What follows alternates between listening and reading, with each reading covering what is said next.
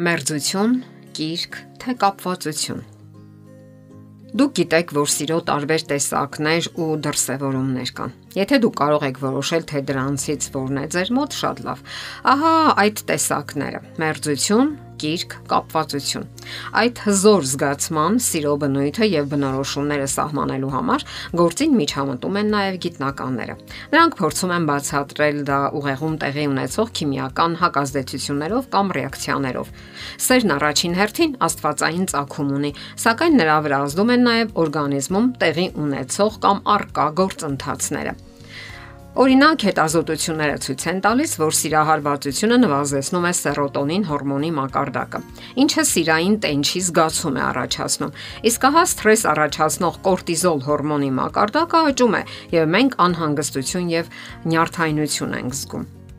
Դա նաև ճնշում է շրջապատողների կարծիքների մեջ կողմնորոշվելու մեր ընտունակությունը, ինչը կարող է հանգեցնել անկանխատեսելի հետևանքների։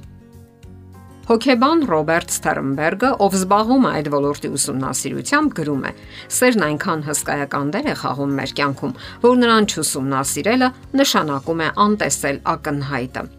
Նրա հետ համաձայն է մեկ այլ հոկեբան եւս, Ջոն Վան Էպը, ով իր հերթին գրում է. Մարդիկ սովորաբար սերն անցալում են որպես ինչ որ իրացիոնալ վերացական մի բան, սակայն հոկեբանության դիրքերից այն ուսումնասիրելն օգնում է անցալելու այդ զգացումը որպես մի երևույթ, որը ենթակա է վերահսկողության։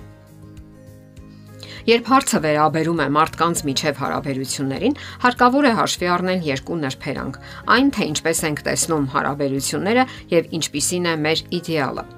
Ռոբերտ Սթերնբերգի կարծիքով Իրավիճակը բարթանում է նրանով, որ մենք շատ հաճախ չենք հասկանում, թե իրականում ինչ տեսք ունի այն, ինչը մենք ունենք։ Ուսումնասիրություններն անցկացնելու ժամանակ նա խնդրում էր մարդկանց պատմել այդ մասին եւ մարդկանց զգալի մասը սխալ էր պատասխանում։ Գիտնականը գրում է. Օրինակ շատերը պնդում են, որ իրենք ձգտում են մերձության, սակայն իրենց հարաբերություններում միանգամայն այլ նախապատվություններ են ցուցաբերում։ Այս որpիսի ավելի լավ համապատասխանեն միմյանց, ամենից առաջ հարկավոր է ճիշտ հասկանալ եւ սահմանել իրենց հարաբերությունները։ Եվ այսպես Ռոբերտ Սթերնբերգը առանձնացրել է սիրո 8 տեսակ, որոնցից յուրաքանչյուրը սահմանվում է սիրո 3 բաղկացուցիչների միջև փոխհարաբերություններով։ Շատ հաճախ կողմերի միջև արկա է սիրո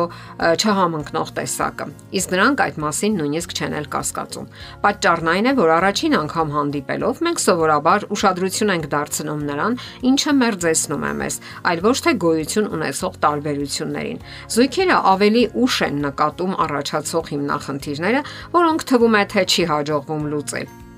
չնայած փոխհարաբերություններում պահպանվող ուժեղ կողմերին։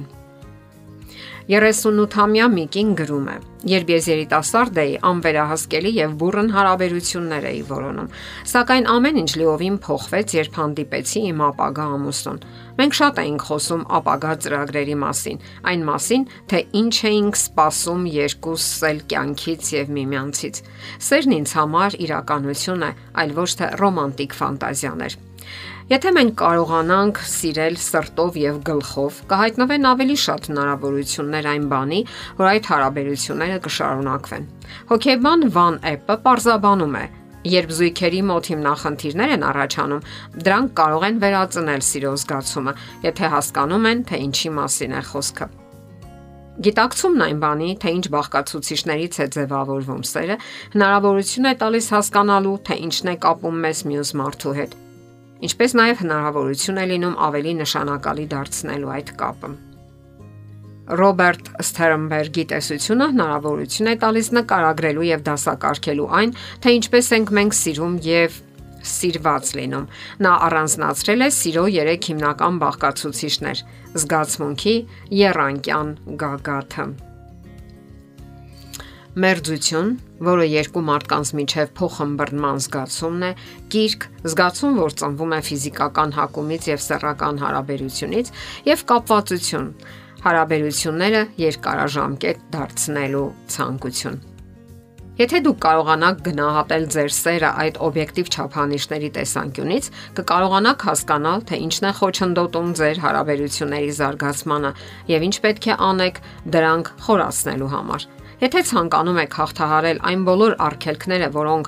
հայտնվում են ձեր հարաբերությունների զարգացման եւ կատարյալ սիրուն հասնելու ճանապարհին, ուրեմն պետք է հասկանաք, որ առավել կարևոր են ոչ թե զգացմունքները, այլ գործողությունները։ Դուք օրինակ կարող եք պնդել, որ կիրք եք զգում, սակայն ինչ է ապացուցում դա։ Ենթադրենք մեկի կինը հիվանդ է եւ նա ասում է, որ շատ է սիրում իր կնոջը, սակայն միաժամանակ շատ քիչ է լինում նրա կողքին եւ շատ քիչ է զբաղվում նրա խնամքով։ Արդյոք դա սեր է։ Ահա թե ինչու հարկավոր է սերը դրսևորել, այլ ոչ թե խոսել դրա մասին։ Դա ինչ գիտելիքը զենք է եւ կարևոր պայման հասկանալու սերը, կատարելու ճիշտ ընտրություն եւ լինելու սիրող ամուսին կամ կին։ Եթերում է ճանապարհ երկուսով հաղորդաշարը։ Հարցերի եւ առաջարկությունների համար զանգահարել 033 87 87 87 հեռախոսահամարով։